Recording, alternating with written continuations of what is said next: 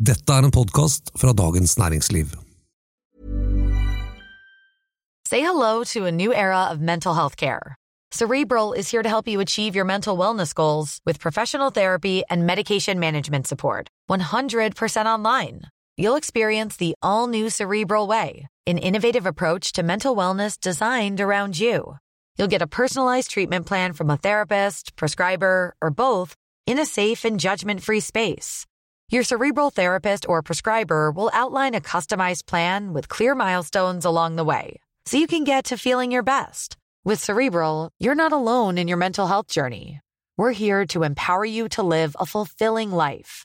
So take that first step towards a brighter future and sign up today at cerebral.com slash podcast and use code ACAST to get 15% off your first month. Offer only valid on monthly plans. Other exclusions may apply. Offer ends July 31st, 2024. See site for details. For ett år siden varslet den amerikanske sentralbanksjefen Jerome Powell at kampen mot inflasjon ville føre til svekket økonomi og økt arbeidsledighet. Det skjedde ikke. Denne uken skal han prøve seg på nye prognoser, og hvert ord han sier vil bli analysert av økonomer over hele verden. Det skal vi snakke om i ukens episode av Finansredaksjonen, en podkast som lages av oss her i DN. Jeg heter Anita Hoemsnes og er kommentator. Og jeg heter Terje Erikstad, finansredaktør. Og jeg heter Tor Christian Jensen og skriver om aksjer.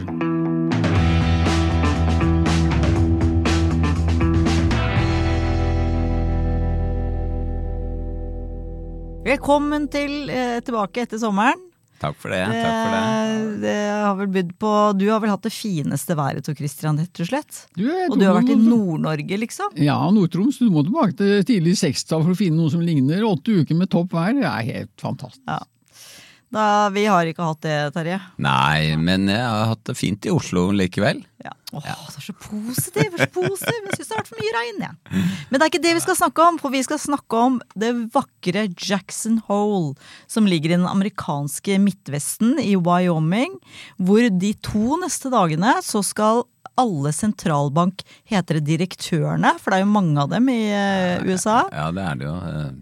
Eh, det, For det er bare én sentralbanksjef. Det er det. JPO, Ja. som Tor Christian liker å kalle den. Men alle disse andre sentralbankdirektørene skal nå samles til såkalt symposium. Mm. Eh, og det er 46. år på rad, faktisk, at eh, dette skjer. Og det de skal gjøre, er jo selvfølgelig da å snakke om den amerikanske økonomien, nødvendigvis.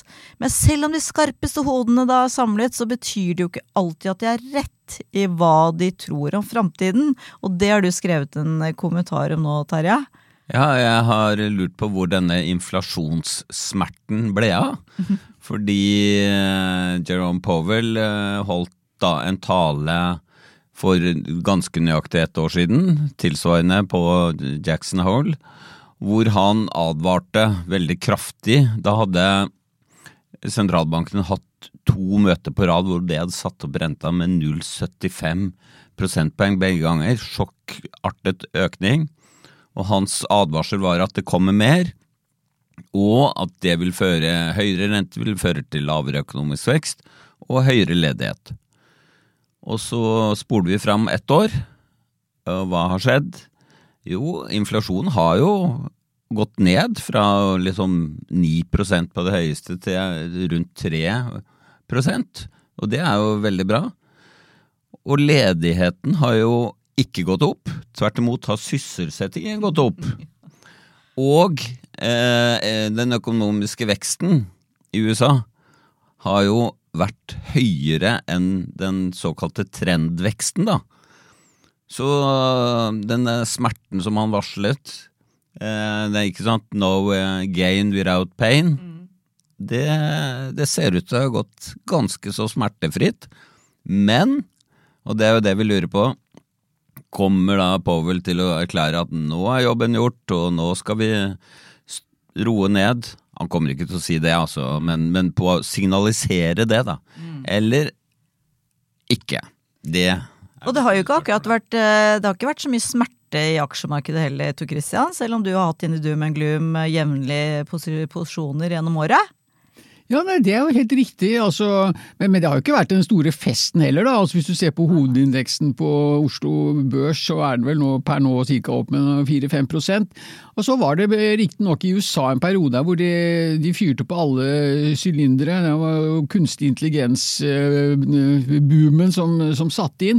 Men etter at nå de amerikanske langrentene har liksom stabilisert seg over 4% og nå 4,3 siste måling, så har jo denne brede indeksen indeksen SMP 500 har jo eh, falt, eh, falt markant. Men det er som du sier, det er ikke noe det er ikke noe doom, det er ikke noe doom i hvert fall å spore ut fra, fra børsene, men vi, vi, har ikke begynt med september ennå. Nei, du har jo, venter jo på september, det er da det smeller. Men før september, da. Så, ikke sant, igjen nå sitter disse skarpeste hodene som mm. virkelig det de driver med, og mm. har all mulig kompetanse mm. fra liksom forskningsmiljøer og alt sånt nå, er å prøve å se litt inn i framtiden. Og det klarte de ikke. Hva kan være årsaken til at det ser ut til å bli en myk landing? Ja, altså, eh, jeg tror det er for tidlig å erklære at det blir en myk landing. Eh, og det er jo også synspunktet til veldig mange av økonomene som prøver å lage prognoser. Eh, risk, risikoen er der fortsatt for at dette ender med en økonomisk nedgangsperiode i USA. og Så kan vi komme tilbake til Norge eh, litt seinere. Men det, det globale økonomien har vært gjennom to enorme sjokk Eh, koronapandemien selvfølgelig den største, som påvirket eh, både forbruk og sparing på en måte som vi ikke har vært borti før, egentlig. Og som gjør at det selvfølgelig er veldig vanskelig å, å, å vite hvordan dette slår ut i etterkant. Og det andre var jo selvfølgelig eh, Russlands angrep på Ukraina og de konsekvensene det fikk for energiprisene. Så de to sjokkene kom på en måte ganske tett på hverandre. Og eh, effekten av det har vi jo kanskje egentlig ikke sett fullt ut. Så jeg tror det, det var overraskende hvor høy inflasjonen ble, og det var overraskende hvor mye renten måtte opp. Men det er også veldig overraskende hvor godt økonomien har tålt disse sjokkene, da. Mm. Uh, og jeg, jeg, tenker at at her, man skal være obs på at det her er mer en tidsetterslep. Altså at effekten av høyere renter viser seg det tar lengre tid eh, enn det man kanskje trodde opprinnelig. da. Men det var jo sånn, for jeg bare tenker på det med sysselsettingsraten, som også har vokst veldig mye i Norge. ikke sant? Mm. Antall av uh, yrkesaktive folk i befolkningen som faktisk er i jobb. Mm. Under pandemien så husker vi snakka om det amerikanske, aksje, nei, amerikanske arbeidsmarkedet. Som da var det to ledige stillinger per eh, per ledige eh, amerikaner. Ja, så det var jo en helt sånn merkelig situasjon. Ja. Men da kan man da si at disse som da vaka rundt og bare ikke ville ha jobben, de har nå tatt den jobben, da, eller? Ja, altså Det som har eh, skjedd i det amerikanske arbeidsmarkedet, og i det norske også, er jo at det er kommet flere inn i Det gikk først dramatisk ned, og så har det steget og gått opp igjen. Så det er en positiv trend, og det har vi sett i flere land. At nå er det egentlig sånn litt mangel på arbeidskraft, eh, og som eh, gjør at eh, den den reallønnsnedgangen vi har fått pga. høye priser, på, til dels blir motvirket av at flere kommer seg inn i arbeidsmarkedet og får inntekt. Eh, og dermed bidra til etterspørselen. Så det, det, har liksom hatt en positiv sånn økonomisk effekt òg. Men, men eh, sant, du snakka også om at ja, du har i hvert fall sagt det, Tor Christian, at liksom, de har pløyd inn penger i den amerikanske økonomien i bøtter og spann i sånne kvantitative lettelser, og det har vært gitt ja, vi skal ikke si noe, vi her i Norge. Det blei noen pandemisubsidier, for å si det sånn. Er det det som gjør at liksom økonomien ikke oppfører seg sånn uh, som uh, tekstbok, uh, tekstboken tilsier? Ja, Det tror jeg ikke jeg skal jeg er klar å Nå svare later på. vi som vi er kjempeeksperter på linje med J-Pol. Her har vi tre orakler. Og, ja, nei, men det er, det, ja, det er som du sier, at det, sant, øh, økonomien øh, har jo vært igjennom noen helt øh, vanvittige sjokk. altså Faktisk helt siden finanskrisen i 2008. Ikke sant? Så, man, man kalte det jo verdens største eksperiment, ikke sant? med disse enorme likviditetstilførslene som man gjorde via obliga, obligasjonsmarkedet. altså milliarder på milliarder av dollar som ble pøst inn i økonomien for å, for å vekke det til live eller holde, holde det, det samlet. Da. Og så kom vi da til denne pe- pe- perioden da, hvor, eh, hvor inflasjonen begynte å stige og Fed snakket om at nei, den er midlertidig, ikke noe fare. Og så skjønte man jo jøss, den er jo ikke midlertidig. Men så har man da på fantastisk vis klart liksom, å få inflasjon ned uten å ta, ta livet av økonomien. Så der må man jo gi berømmelse til Fed og andre sentralbanker at de har klart å styre dette. Og Så kan man jo da med interesse da legge merke til det norske eh, eh, LO, da, som jo mener at eh, man skal jo ikke bruke rentevåpen hvis jeg tolker dem eh, rett, og at eh, renteøkninger det er eh, fyr som fyr som fyr. Eh, Men eh, det, i hvert fall hvis man ser på sentralbankmiljøene, så er det jo ikke noe tvil om og Det sa jo J-Pol også, at eh, man måtte være obs på at dette kom til å smerte. For at eh, man måtte bruke rentevåpenet for å få kontroll på økonomi. fordi at på lang sikt, hvis du lar inflasjonen løpe løpsk, så vil kostnaden også for mannen i gata, husholdningene og rund baut, vil være mye større enn hvis du lar inflasjonen eh, løpe løpsk. Da snakker vi om kostnader. Altså Vi må ikke sant, huske på på 70-tallet i USA, når de, de gjorde alle de tiltakene for å få kontroll på inflasjonen, det kostet eh, en hel masse i form av eh, arbeidsliv. Say hello to a new era of mental health care. Cerebral is here to help you achieve your mental wellness goals with professional therapy and medication management support. 100% online. You'll experience the all new Cerebral Way, an innovative approach to mental wellness designed around you. You'll get a personalized treatment plan from a therapist, prescriber, or both in a safe and judgment free space. Your cerebral therapist or prescriber will outline a customized plan with clear milestones along the way, so you can get to feeling your best. With Cerebral, you're not alone in your mental health journey. We're here to empower you to live a fulfilling life. So take that first step towards a brighter future and sign up today at cerebral.com slash podcast and use code ACAST to get 15% off your first month. Offer only valid on monthly plans. Other exclusions may apply. Offer ends July 31st, 2024. See site for details. Introducing Wondersuite from Bluehost.com. Website creation is hard, but now with Bluehost, you can answer a few simple questions about your business and get a unique WordPress website or store right away. From there, you can customize your design, colors, and content. And Bluehost automatically helps you get found in search engines like Google and Bing. From step-by-step guidance to suggested plugins, Bluehost makes WordPress wonderful for everyone. Go to bluehost.com/wondersuite. Hey, I'm Ryan Reynolds. At Mint Mobile, we like to do the opposite of what Big Wireless does. They charge you a lot, we charge you a little. So naturally, when they announced they'd be raising their prices due to inflation, we decided to deflate our prices due to not hating you. That's right. We're cutting the price of Mint Unlimited from $30 a month to just $15 a month. Give it a try at mintmobile.com slash switch. $45 upfront for three months plus taxes and fees. Promo rate for new customers for limited time. Unlimited more than 40 gigabytes per month. Slows. Full terms at mintmobile.com. Det det Men det som jeg bare pratet med et par stykker som har vært og feriert i USA i sommer, og de er jo helt sjokkert ikke sant, over det pri det er to ting de er sjokkert over. Prisnivået, over at det er- koster liksom 90 kroner for en caffè latte, og den enorme mengden med folk som bor på gata. Og som da tydeligvis sliter. Så det, det, det er jo ikke sånn at selv om vi overordna kan snakke om en myk landing og, og, og dette gikk jo bra gikk jo bra, dette her, så er det jo ikke det. Det er ikke realiteten. Altså, det har skjedd noe på, på eh, Ja, det er klart at eh, en sånn eh, inflasjon som man har sett der, som var høyere enn hva vi har sett i Norge, selv om den er på vei ned nå, så har jo altså Inflasjon er jo hvordan prisene endres over tid. Eh, og, og, og selv om inflasjonen har gått ned, så betyr ikke at prisene har gått ned. Det er bare pristakten, altså økningen, har gått ned. Sånn at uh, akkumulert så er det ikke noe tvil om at eh, de som da har uh, lave inntekter og kanskje håper si, faste nominelle inntekter, de taper jo stort på at inflasjonen blir så høy. Fordi de spiser opp det, den kjøpekraften de har.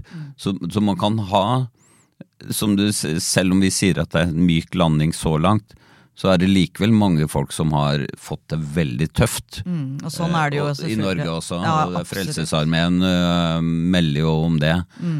Om matkøer og sånt. Det, det sånn sett er jo inflasjon et skatt på de med lavest inntekt. Mm. Uh, fordi de, de, har, de har ikke så veldig mange muligheter til å de, de er allerede på grensen, og da skal det ikke så mye til før det blir skikkelig ille for dem, da. Mens andre, de fleste, har jo mulighet til å justere forbruket sitt uten at det har veldig dramatiske konsekvenser, da. Ikke sant, Forskjellen i USA er jo enormt mye større enn det er i Norge, så der vil det jo også ramme flere.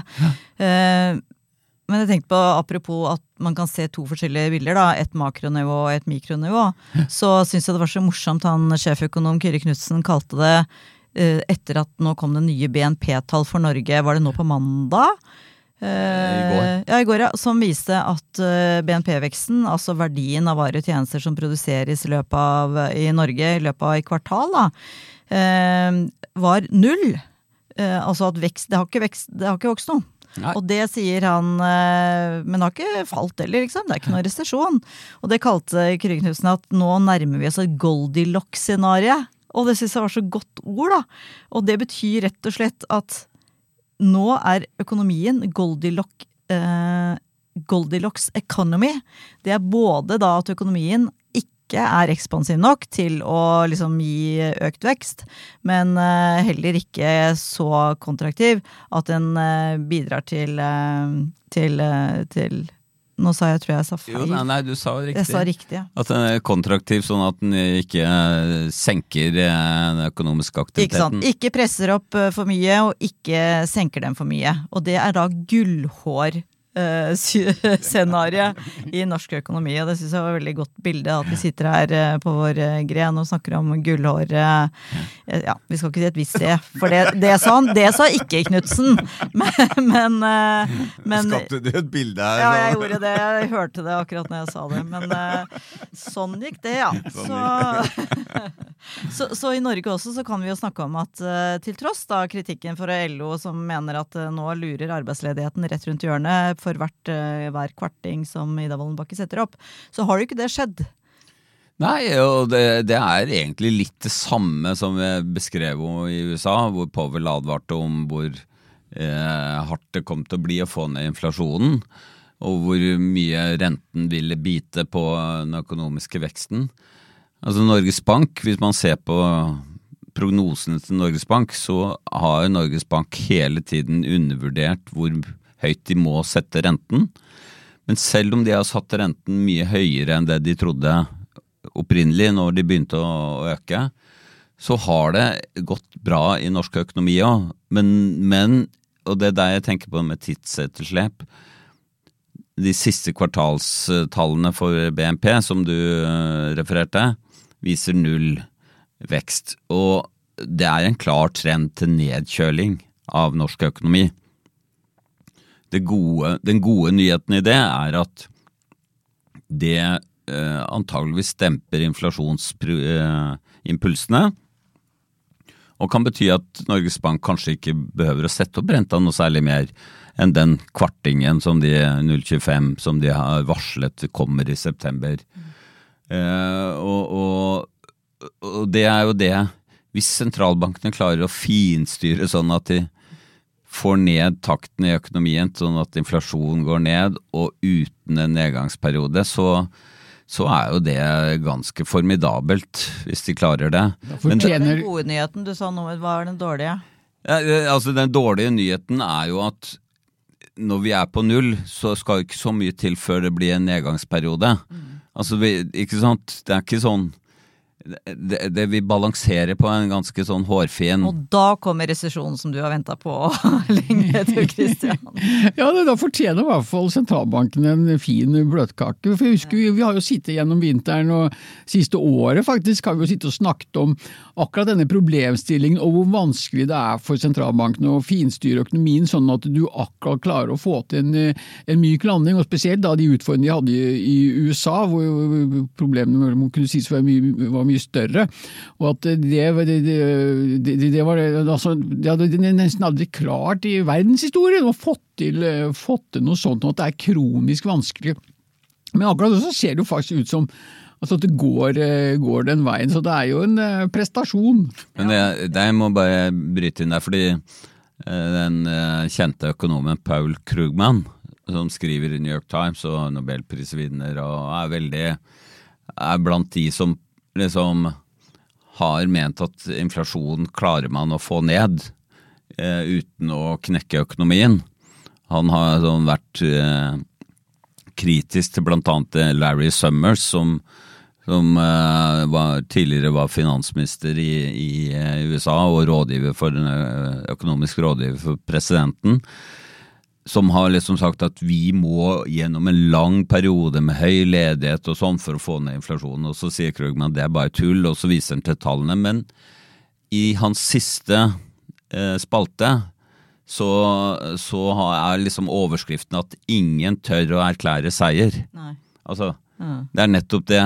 Eh, og så åpner han for noe, en diskusjon om ja, men må vi tilbake til 2% inflasjon. Er det ikke sånn at 2% som er liksom inflasjonsmålet for egentlig alle sentralbanker som har et inflasjonsmål, er ikke det egentlig for lav inflasjon? Og, og logikken hans er at eh, hvis, hvis, inflasjonen er 2 eh, og eh, så har man en rente som er litt høyere enn den inflasjonen, så er normalrenten kanskje bare på 2,5-3%. Og da har ikke sentralbankene noe å gå på når det blir dårligere tider. De har liksom ikke nok, sette, nok nedside å sette ned. Hadde man hatt 3% inflasjon som mål, så ville eh, normalrenta ligge på rundt 3,5-4 kanskje, avhengig av hvordan, hva du tror om eh, produktivitet og sånt.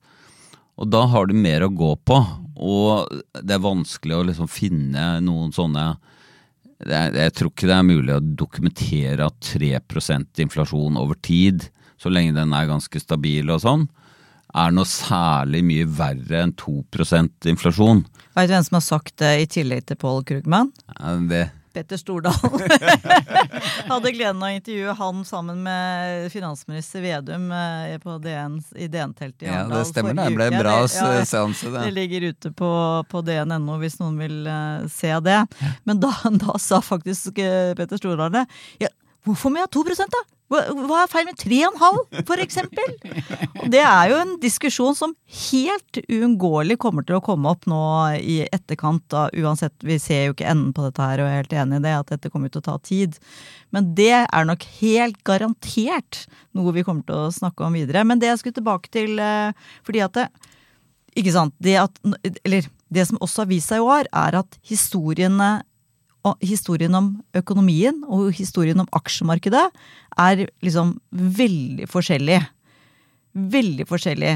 Og at det har gått bra, relativt greit i aksjemarkedet nå, f.eks. i USA, da, i, i, et år, eller i, i, det året som har gått, det skjuler jo egentlig en Det har jo ikke noe med økonomien å gjøre, egentlig. For det er jo disse KI-boblene som du sier, ikke sant? Men til sammen så ser ut som wow, dette går jo kjempefint. børsen opp og inflasjon ned og alt sånt noe. Men jeg bare tenkte på, for det har vi snakka om tidligere, at aksjemarkedet har ikke noe med resten av økonomien å gjøre. Bekrefter ikke det, den, det du har sagt før? Jo, det er jo et godt poeng. altså at eh, det, er en sånn slags frikobling der. at Det er ikke nødvendig sånn at du har god økonomisk vekst, så skal det også gå godt i aksjemarkedet. Men sånn som Spesielt i USA da, så har det jo vært hvor mye av oppgangen har vært tilskrevet disse tech-selskapene. Altså, det er en veldig sårbar oppgang fordi at den baserer seg på noen veldig få, men veldig svære selskaper. Så hvis det da plutselig skulle skje et eller annet eh, der, type kraftig ytterligere renteøkning, og nå er tiårsrenten i USA 4,3% og det er jo historisk, i hvert fall i de siste årene, uh, høyt. Um, og det samme ser du jo i på Oslo Børs det er fort gjort å stille seg blind på hovedindeksen, men eh, sånn som i fjor så var det oljeselskapene som, eh, som, drev det, og nå er ikke oljeselskapene med å, å, drive det lenger. Altså, det er veldig interessant å studere hvilke aksjer er det da som, eh, som gjør det godt.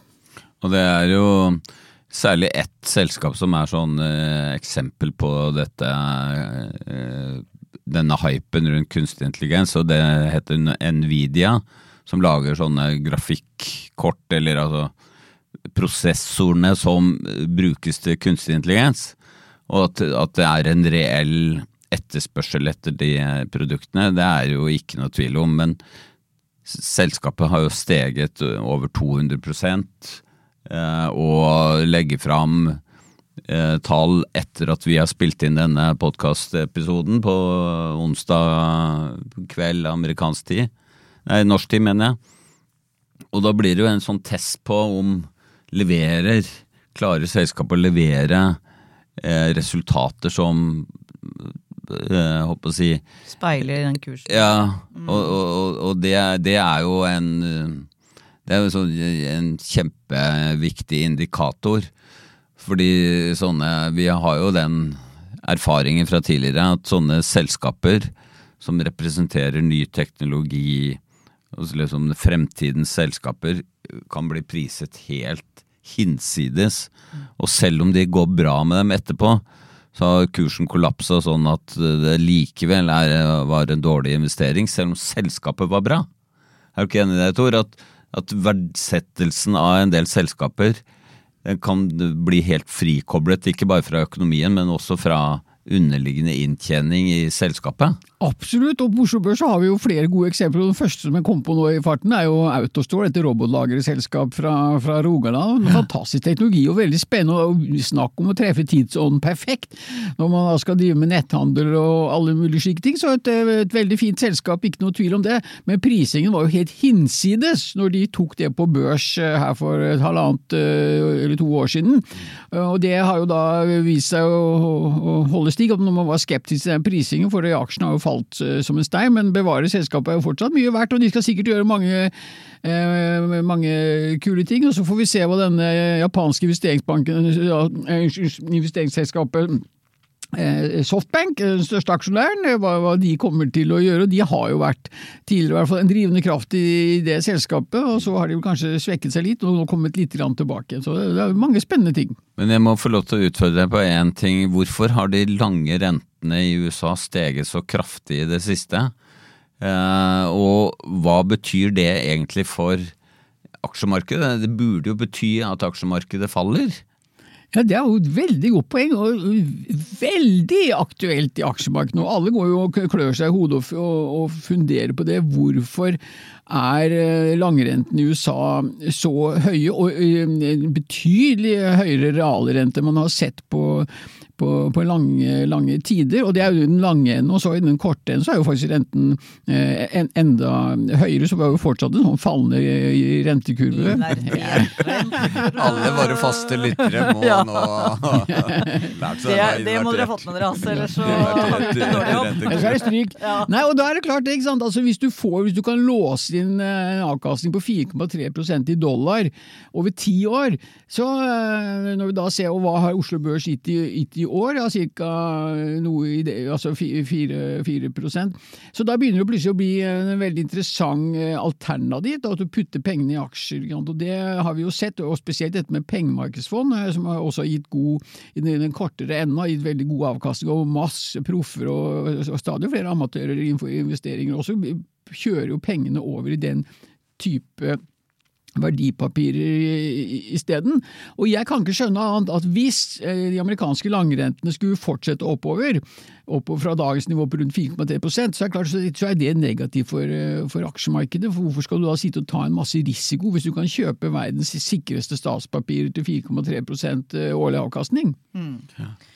Nei, det der får vi se på, men det blir veldig spennende, og jeg regner med at du kommer til å, som DNs uh, nerd, klare å, følge, følge Jackson Hole-symposium nå i disse neste dagene, Terje. Jeg stoler på deg, jeg nå, altså. Ja, og det, det, det, som vi ikke har sagt om det symposiet, det høres, kunne nesten høres ut som det var bare Powell som skulle si noe. Det er at symposiet, det, det er ca. 120 mennesker, det er eksklusiv forsamling.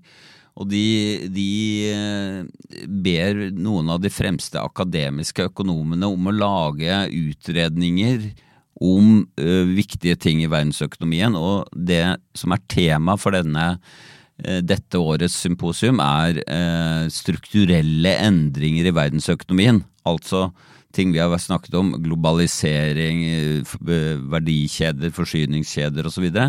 så det blir veldig spennende å se vi vet ikke nå hvilke papers, som det heter på godt norsk, mm. som blir offentliggjort, men det blir spennende å se hva, hva som kommer av mer på det akademiske, i tillegg til det aktuelle da, fra Powell.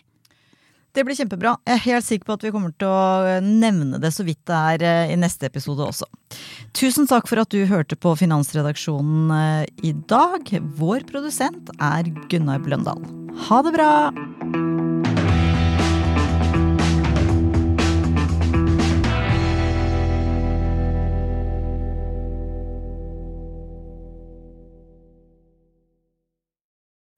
Du har nå hørt en podkast fra Dagens Næringsliv.